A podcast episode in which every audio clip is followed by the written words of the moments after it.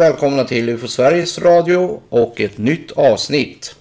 Jag heter Tobias Lindgren och vid min sida har jag Johan Gustafsson. och Anders Berglund. varmt välkomna.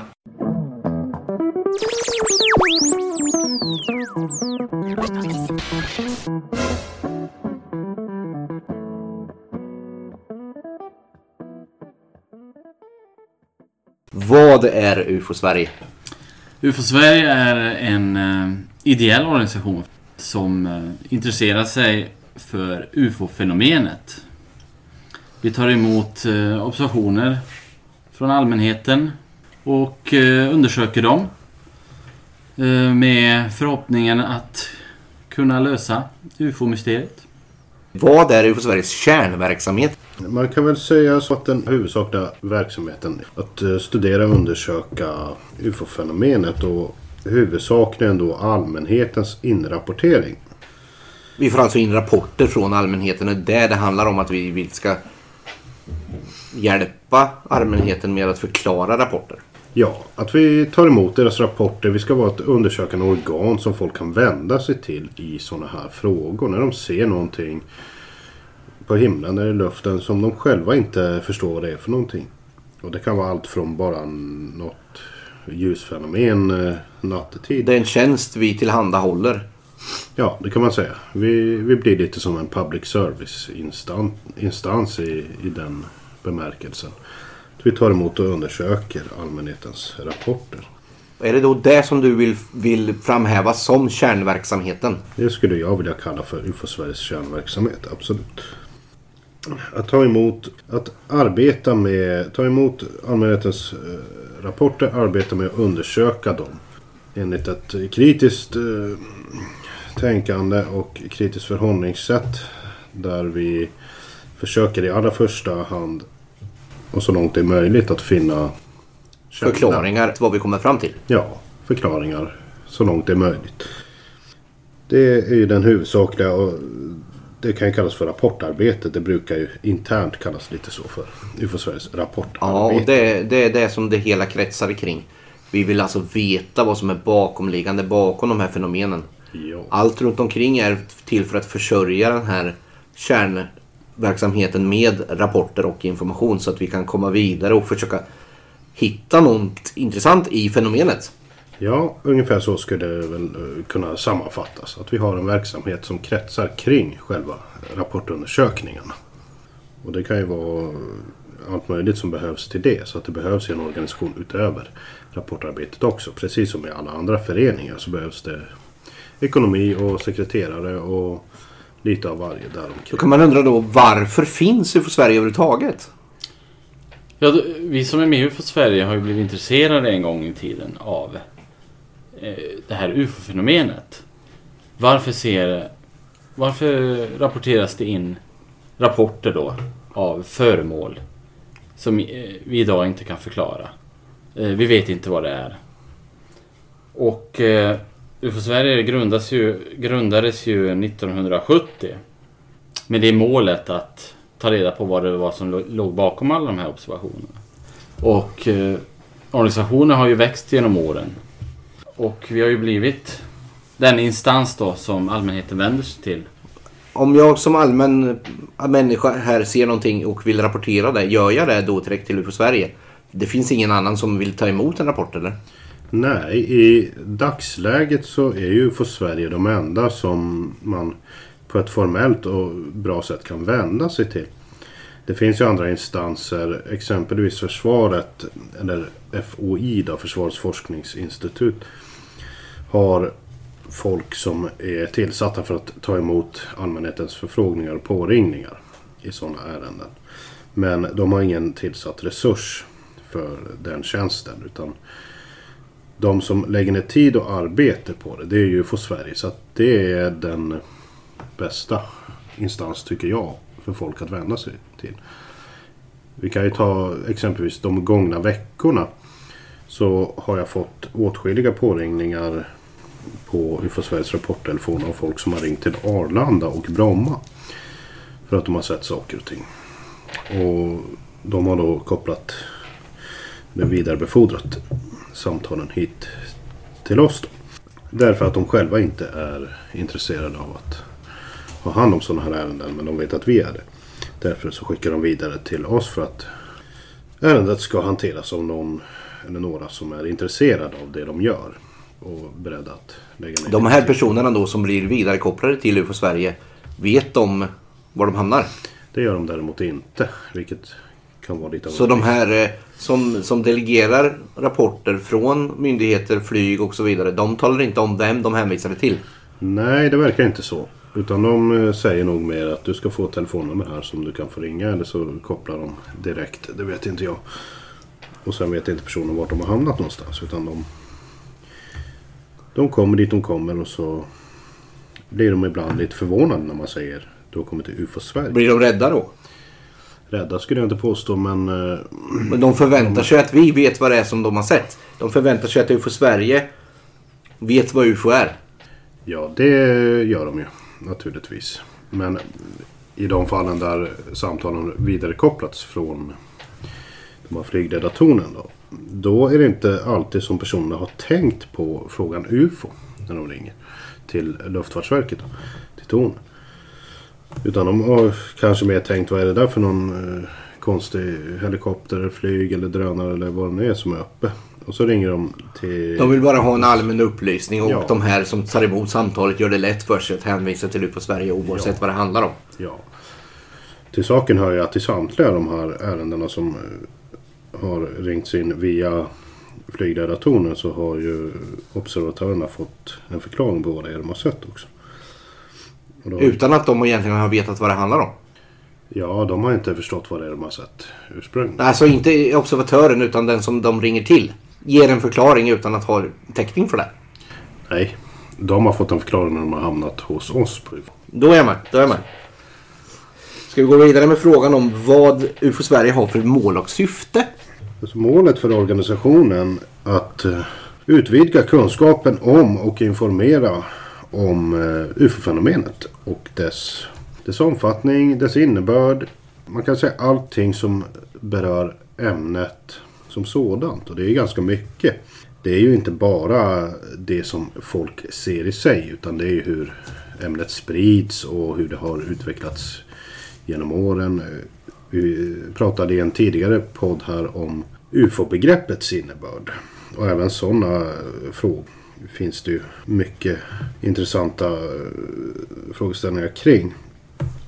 Så det stora breda målet skulle jag vilja kalla är just att bredda vår egen kunskap om fenomenet i sakfrågan kring vad det är folk ser och har sett inom årens gång och informera om det fenomenet och utforska vilka, vilka inverkningar det har på samhälle och på, på folk i allmänhet. UFO Sverige har ju fått ta på sig, fått ta på sig en folkbildningsansvar nästan. Genomsyrar det hur är UFO Sverige arbetar? Gör vi på något speciellt sätt på grund av den här folkbildande funktionen som vi har? Alltså den påverkar ju sättet som vi arbetar. Det gör den ju. Ja, det gör den. Man kan ju säga att våra föredrag som vi håller är en del i det här arbetet. Just folkbildningen. Och det, det håller vi ganska regelbundet. Och där är det ju mycket pedagogik, som kommer in i bilden också. När det gäller fenomenet som sådant. Inte bara de särskilda fallen som det pratas om och de olika kategorierna. Utan vi försöker informera folk via riksstämmor. Där vi håller eh, inte bara föredrag utan har utställningar och informativ verksamhet på det viset. Arbetar UFO Sverige på något speciellt sätt? Kan man, kan man eh, förklara någon speciell metod eller så vidare? Vi, ar- vi arbetar ju undersök, undersöksmässigt. Varje observation som vi får in så undersöker vi ju. Eh, vi försöker ju ge varje person som hör av sig till oss en förklaring på vad det är man kan ha sett och misstolkat. Ja, det är ju väldigt mycket det det handlar om. Eftersom en eh, väldigt god majoritet av alla rapporter som kommer in har en eh, ganska enkel förklaring. Men är det inte svårt att se varje rapport som unik och börja jobba från scratch förutsättningslöst på varje rapport? Är det inte så man måste jobba? Det är väl eh, grundtanken Den borde ju se ut så. Och jag skulle säga att det, det går förhållandevis bra att arbeta så. Givetvis så vinklas man också av alla tidigare slutsatser som man har dragit. Det kan ju vara på, på både gott och ont. Att man får in rapporter där man känner att den här har vissa likheter med tidigare rapporter. Och därmed så är man inte totalt objektiv i ingångsskedet på ett sätt som man kanske skulle vara annars. Och att man lutar sig åt vissa förklaringar som man redan har haft att göra med. Eventuellt lite lättare än vad man hade gjort om man inte hade haft de tidigare ärendena. Men som sagt, det kan vara på både gott och ont. Det kan vara erfarenhetsmässigt en väldigt god eh, egenskap att kunna se likheterna till andra tidigare fall. Samtidigt så kan det ju, som du säger, påverka det förutsättningslösa i varje enskilt fall. Att den enskilda rapporten inte får riktigt den förutsättningslösa behandling som andra rapporter har haft. Men skulle det inte bli omöjligt att uppfinna hjulet varje gång och lägga lika mycket Jo. energi på varje rapport? Naturligtvis så är det så. Så att det ligger ju i arbetets natur att det utvecklas på det viset. Annars så tvingas man ju blunda för tidigare arbeten och det skulle inte vara praktiskt heller. På olika Vi sätt. gräver ur vår erfarenhetsbank alltså. Det får ju naturligtvis bli så. Det är ofrånkomligt. UFO Sverige, vi har ju arbetat upp bra metoder under åren. Så vi, vi känner ju till det mesta hur man kan misstolka en, en känd, ett känt fenomen. Ja, vi har ju lärt oss i princip allt som går att se på genom åren på himlen. Allt som, som finns där. Sen eh, kommer det ju naturligtvis nya saker. Det så- kommer nya fenomen hela tiden som vi får ta ställning till.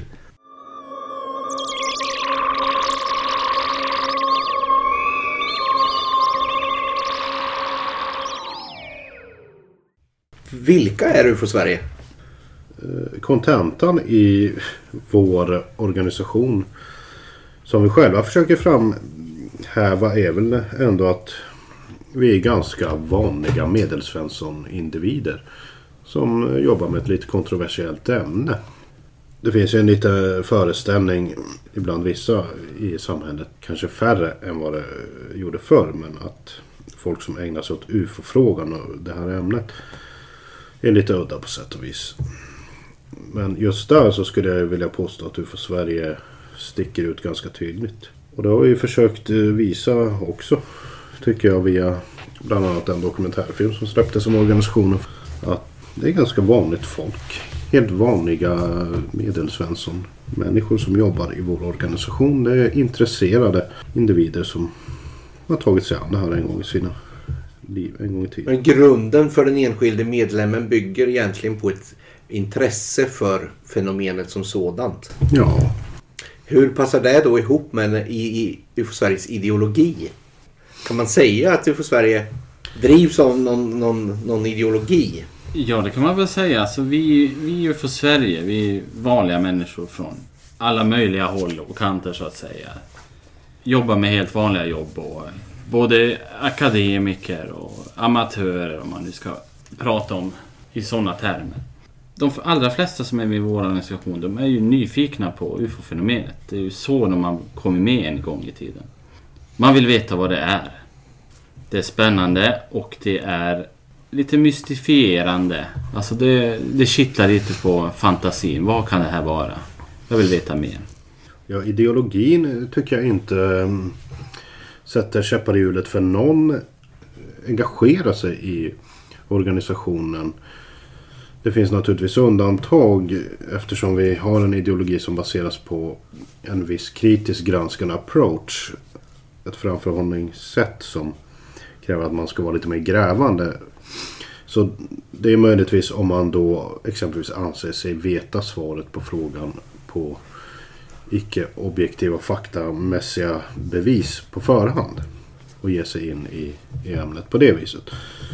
Och det kan ju gälla både skeptiska och eh, djupt troende slutsatser. Så det kan drabba de två skarorna i sådana fall. Va? Men utöver det så, så är ideologin öppen för så gott som samtliga tolkningar av fenomenet när man väl har gjort sin, sin research och dragit sina slutsatser. Så jag tycker nog att de allra flesta kan känna sig välkomna i föreningen oavsett hur de ställer sig till saker. Men om de här nu som potentiella medlemmarna som intresserar sig kommer med någon sorts politisk eller religiös insikt. Hur skulle UFO Sverige ställa sig till det? Ja, det är ju någonting som inte får beblandas med verksamheten och föreningsengagemanget i sådana fall. För sånt eh, är ju föreningen oavhängig ifrån. Vi har ju inga politiska implikationer eller några religiösa sådana heller. Utan vi är totalt... Men många av de här UFO-rapporterna som kommer in grundar sig kanske på någon religiös tankebana. Att man har religiös grej in i det hela. Hur ställer vi oss till det? Men det... Det behöver inte ha någon inverkan på vårt arbete egentligen så. För att det är observatörens tolkning i sådana fall. Vi förväntas fortfarande arbeta förutsättningslöst med det han eller hon har sett. Oavsett vilka religiösa tolkningar personen gör i fråga till sin, eller i förhållande till sin egen observation. Så vårt jobb där är att arbeta förutsättningslöst och sakligt med det som personen har uppfattat som någon form av religiös åskådning eller religiöst fenomen.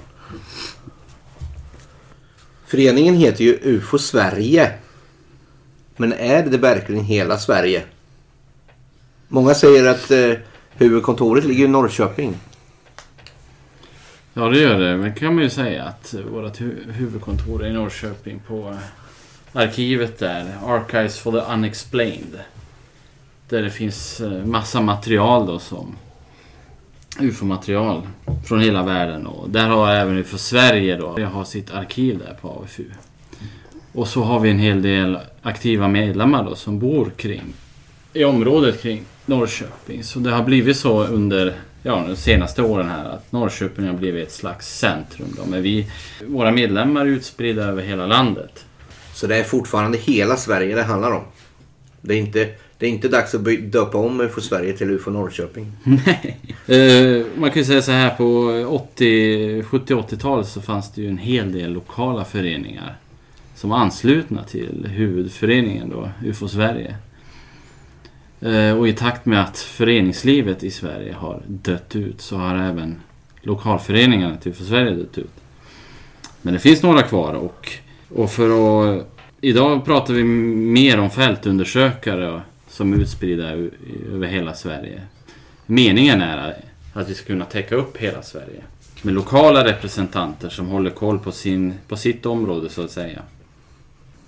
UFO Sverige anordnar ju en riksstämma varje år med UFO Expo där vi håller föredrag och sånt där. Och det sprider vi ut i Sverige. Vi är ju aldrig på samma ställe utan varje år så är vi på ett nytt, i en ny stad och försöker täcka upp hela Sverige då. Ja, man behöver ju någonstans att samla sig så att säga. Man behöver ju något, något säte. För att eh, förvara material och ha ett arkiv och kansli och sådana grejer. Men organisationen som sådan försöker vi hålla så spridd som möjligt. Så rikstäckande som, som det går va, i mån om medlemmar. Vi bestämmer ju inte nödvändigtvis själva vart våra medlemmar ska hålla hus någonstans. Givetvis så kan vi ha önskemål om vart vi ska försöka rekrytera medlemmar men i slutändan är det ju upp till folk själva att gå med oss och börja arbeta aktivt. Så det blir lite slumpen som avgör där, att vi får förhålla oss till det vi får och försöka täcka landet i ja, hela vårt land i, i vår verksamhet. UFO Sveriges kansli ligger till exempel i Sala. UFO Sverige håller ju inte bara på med undersökningar. Vad, vad gör för Sverige mer? Det finns ganska mycket som behövs i en förening. Som eh, även förekommer inom UF Sverige naturligtvis. Men eh, vi ger ju ut två stycken tidskrifter faktiskt. Den ena heter UFO Aktuellt. Det är den huvudsakliga. kommer ut med fyra nummer per år. Och den andra heter Rapportnytt. Det är lite mer av en intern tidning men den går även att prenumerera på för utomstående. Där redovisas bland annat de senaste månadernas eh, rapportutbud de inkomna rapporterna. Eh, sen eh, bedrivs ju utåtriktad verksamhet som vi har en webbsida exempelvis. Vi har ju ett Facebook-konto där vi också har administratörer eller moderatorer som det kallas nu för tiden. Sen har vi den verksamhet som Anders nämnde, riksstämma. Det har vi en gång om året. Det är också lite mer utåtriktat, informativt så va. Där vi försöker hålla utställning. Där vi visar upp delar av fenomenet, håller föredrag, säljer böcker. Lite Det- öppet hus sådär. Där på riksstämman ingår väl även eh, Ja, årsmötet. årsmötet. Ja, den styrelsen väljs. Många undrar säkert hur eh, något som UFO Sverige kan drivas. UFO Sverige är ju en ideell organisation. Vi får ju inga bidrag eller något sånt där. Statliga bidrag utan allt som vi får in det får vi in eh, genom ideella bidrag. Alltså vi, vi i organisationen jobbar ju gratis så att säga. Det är våran hobby det här.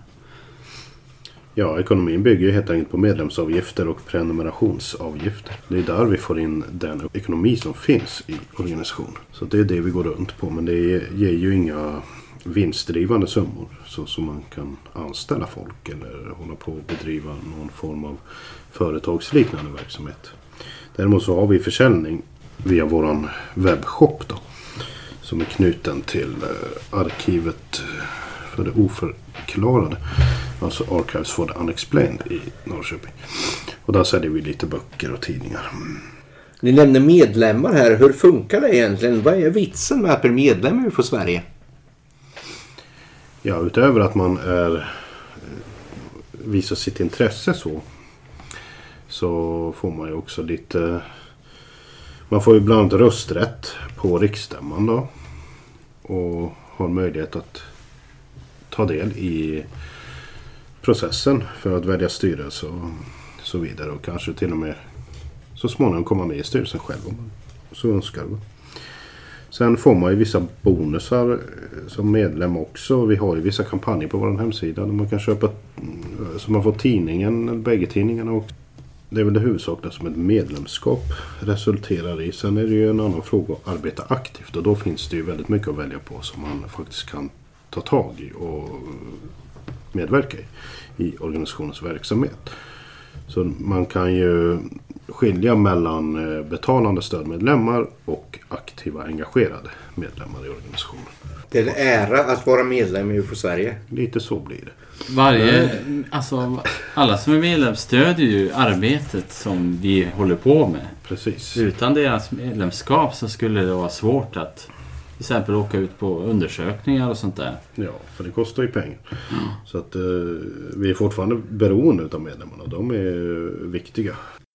Ja, det Hur blir man en del av UFO Sverige? måste ju börja med att man tar kontakt med representanter för organisationen. Alltså de aktiva. Och det finns ju via både UFO-aktuellt och hemsidan. Finns det kontaktuppgifter till olika representanter. Så det är den väg man får gå. Och så får man eh, beskriva sitt intresse och vad man vill göra. Och då brukar ju vi ofta erbjuda att man ska gå kursen först. Våran årliga kurs som vi har på hösten. Och sen brukar det vara på den vägen. Berätta vad det är man är intresserad av. Hur man vill arbeta aktivt. Och så kan man komma fram till lösningar på den vägen.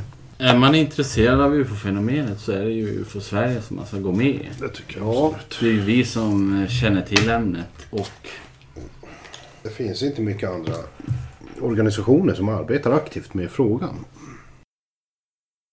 Om man blir medlem i en fotbollsklubb kontra UFO Sverige. Vad är skillnaden? Ja, går man med i en fotbollsklubb så... Förväntar man sig att få spela fotboll? Ja, då blir man ju aktiv på ett annat sätt med en gång. För att då ska man vara med på träningar och matcher och... ja, vårat ämne skiljer sig lite från en, från, från en idrottsklubb. Ja, det gör det. Det är den stora skillnaden. Vi har inte schemalagda matcher och träningar så som man bara kan hoppa in i utan...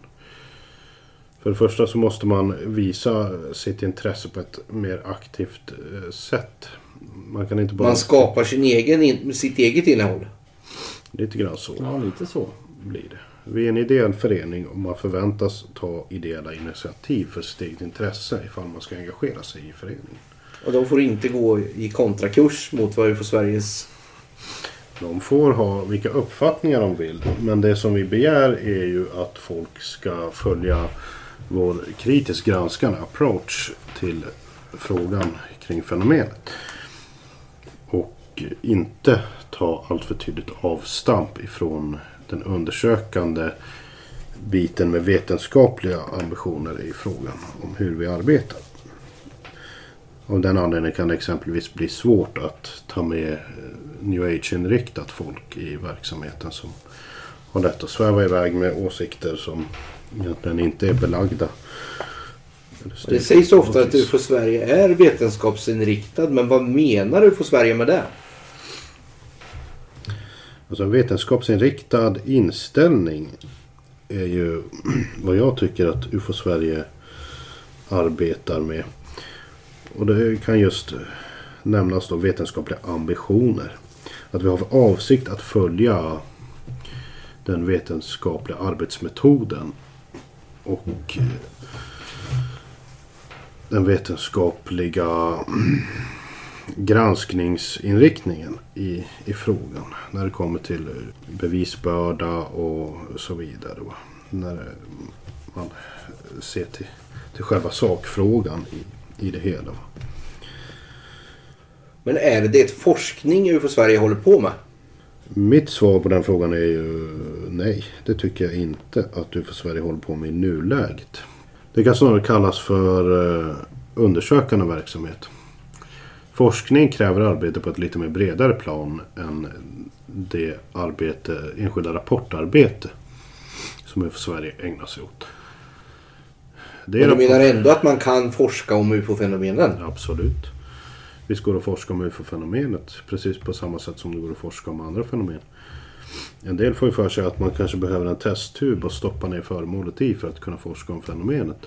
Men riktigt så är det ju inte. Utan det, det som krävs är ett eh, teoretiskt arbetssätt som följer det kan följa principer som man arbetar med inom varierande discipliner. Och det finns ju goda exempel på hur olika aktiva ufologer i branschen har försökt arbeta med en vetenskaplig metodik, forskningsinriktad metodik med de här frågorna. Och det har ju varit enligt både naturvetenskapliga tolkningar och mer samhällsvetenskapliga inriktningar som det har försökt göras forskningsarbeten och tolkningar av fenomenet. Så det tycker jag absolut är möjligt att arbeta på det viset. Men det kräver ett bredare arbete än det enskilda rapportarbete som UFO Sverige ägnar sig åt nu. För att det enskilda rapportarbetet kan mer betraktas som kanske ett förarbete för den sortens mer forskningsinriktade arbete. Där behöver man ta tag i utbudet av rapporter. Och sammanställa det hela och jobba mer med statistik och teoribildning och jämförelseanalyser och så vidare. Det är där som det mer forskningsinriktade arbetet kommer in i bilden som jag ser det. Om nu fenomenet är så intressant, varför sker då inte forskning på universitetet? Eller kanske hos försvaret?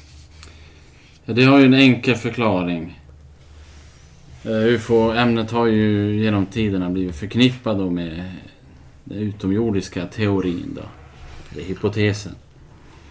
Men ett universitet borde väl kunna se bort ifrån en sån enkel sak? Nej, nej, nej, nej. Det gör de inte för att det är människor. Vi är alla människor. Man kan Mm. säga som så att ämnet har blivit tabubelagt i akademiska kretsar, i mainstream vetenskapliga kretsar. Vilket är väldigt synd. va. Vi har ju sett exempel tidigare genom historien på akademiker som har arbetat fullt seriöst i frågan. Vi har eh, exempelvis den kända astrofysikern Joseph Allen Hynek som var professor vid universitetet i, i Michigan. Han fick naturligtvis väldigt mycket kritik ifrån det övriga vetenskapliga etablissemanget för att han ägnade sig åt de här frågorna.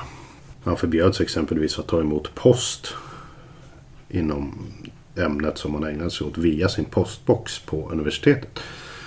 Och fick flera sådana där restriktioner va, och tillsägelser av eh, rektorn, sin chef där.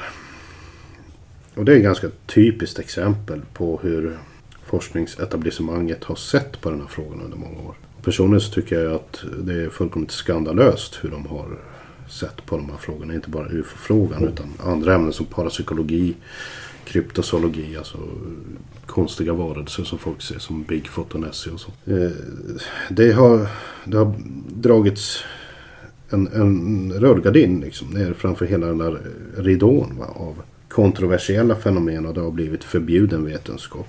Förbjuden forskning. Inte för att forskarna har några belägg för att eh, helt enkelt tabuförklara det. Eh, Jag har svårt att se vad det skulle finnas för någonting som motiverar belägg på det viset. Någonting sånt. Det är helt enkelt att eh, det har berört ett ämne som inte har ansetts passa in i det man arbetar med inom mainstream-disciplinerna. Det har varit alltför främmande och därför har man bestämt sig för att det här ska vi inte ägna oss åt. Och man har rent av mobbat ut dem och fryst ut de akademiker som har vågat, vågat eh, ta ställning emot det. Ja, det är en ganska tragisk historia och visar på en total irrationell inställning från folk som samhället och allmänheten annars sätter ganska stor tilltro till. Just forskarna och Men har de här eh, disciplin. forskarna då blivit tvingade att ansluta sig till grupper så som UFO Sverige? Det finns ett stort antal forskare, enskilda forskare inom varierande discipliner från varierande instanser som har anslutit sig till sådana här grupper.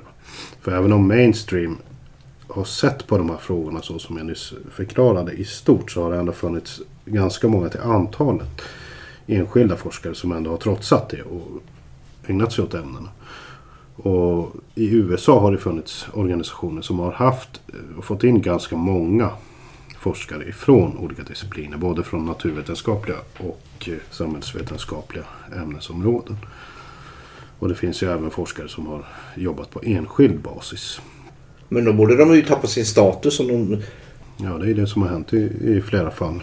Att eh, forskarna har eh, förlorat sina rykten inom branschen. Och det har de ju varit medvetna om när de har gett sig in i de här ämnena. Att nu, nu ger de sig in på förbjudet område i, i mainstream-branschen.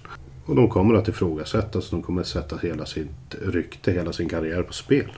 Varför det är så, det, det får nog mainstream-forskarna själva svara på. Men personligen så tycker jag att det är, ja, det är inget annat än en modern mobbing som de har ägnat sig åt i eh, de där frågorna. För det, det har aldrig funnits en motiverad grund för att ignorera och ta avstånd ifrån väsentliga ämnesområden som egentligen borde vara högaktuella och tas med stort intresse även av mainstream-forskningen. UFO-forskning har ju alltid varit kontroversiellt inom akademin eh, och motarbetat. Det är, särskilt då inom den naturvetenskapliga forskningen. Eh, Det har varit li, lite mer lättarbetat när det gäller human, inom Humaniora. humaniora. Där har det gått mycket bättre att hålla på med UFO-forskning då. Varför tror och eh, anser folk vissa saker, kontroversiella saker om uppfattning av verklighet och sånt där. Vad man kan säga är ju att flera av de här forskarna som jag nämnde, Heineck och Company, som då har tagit ställning i de här frågorna. De har ju lutat sig åt mer positiva slutsatser i ämnesfrågan. Det verkar däremot vara okej inom eh, det vetenskapliga etablissemanget att ägna sig åt ämnesfrågorna och dra negativa slutsatser. Det vill säga, det finns inga genuina outforskade fenomen som vi har att göra med. Men vi ska forska kring det här för att utforska människans del i det hela. Alltså det folkloristiska, det etnologiska, det socialpsykologiska och de bitarna. Det, det verkar vara betydligt mer acceptabelt så länge man inte går in på just Men då menar man alltså att delen. fenomenet finns inte oberoende av människan. Ungefär så, ja. Precis. Och det är ju bara en del utav eh, arbetsfrågan som UFO Sverige arbetar med som är helhetsfrågan så att säga. Men UFO Sverige är väl bara en spretig, åldrande grupp amatörer. Hur kan det då ge någon kredibilitet och trovärdighet till det vi gör? Ja, det är väl e- egentligen inte eh, åldern, medelåldern på medlemmarna och så vidare som eh, ja, trovärdigheten handlar om. Utan det handlar väl mer om arbetet, arbetsutformning, utformning, metodiken och approachen och det vi kan redovisa, det vi kan visa upp. Vad vi kan belägga och vad vi kan hävda helt enkelt. Det är väl vad jag tycker är det väsentliga snarare än hur medlemmarna ser ut, beter sig och, och vilken, ja, vilken ålder de är. Verkar UFO Sverige för att en vetenskapsinriktad och kunskapsbaserad diskussion om UFO? Ja, det tycker jag väl att eh, vi försöker göra när frågan kommer upp i alla fall. Sen eh, skulle nog organisationen kunna göra mer för att själva ta upp och sprida den diskussionen. För det är absolut en, en relevant diskussion som borde komma på tal betydligt mer. Men eh, visst tycker jag att vi, att vi gör det när det blir aktuellt. Arbetar UFO Sverige aktivt för att motverka okritiskt tänkande? Alltså jag tycker att eh, vi tar ställning i den frågan när diskussionen kommer upp ungefär på samma sätt som, som det jag sa innan här med diskussionen. Att eh, vi står för våran approach, våran inställning.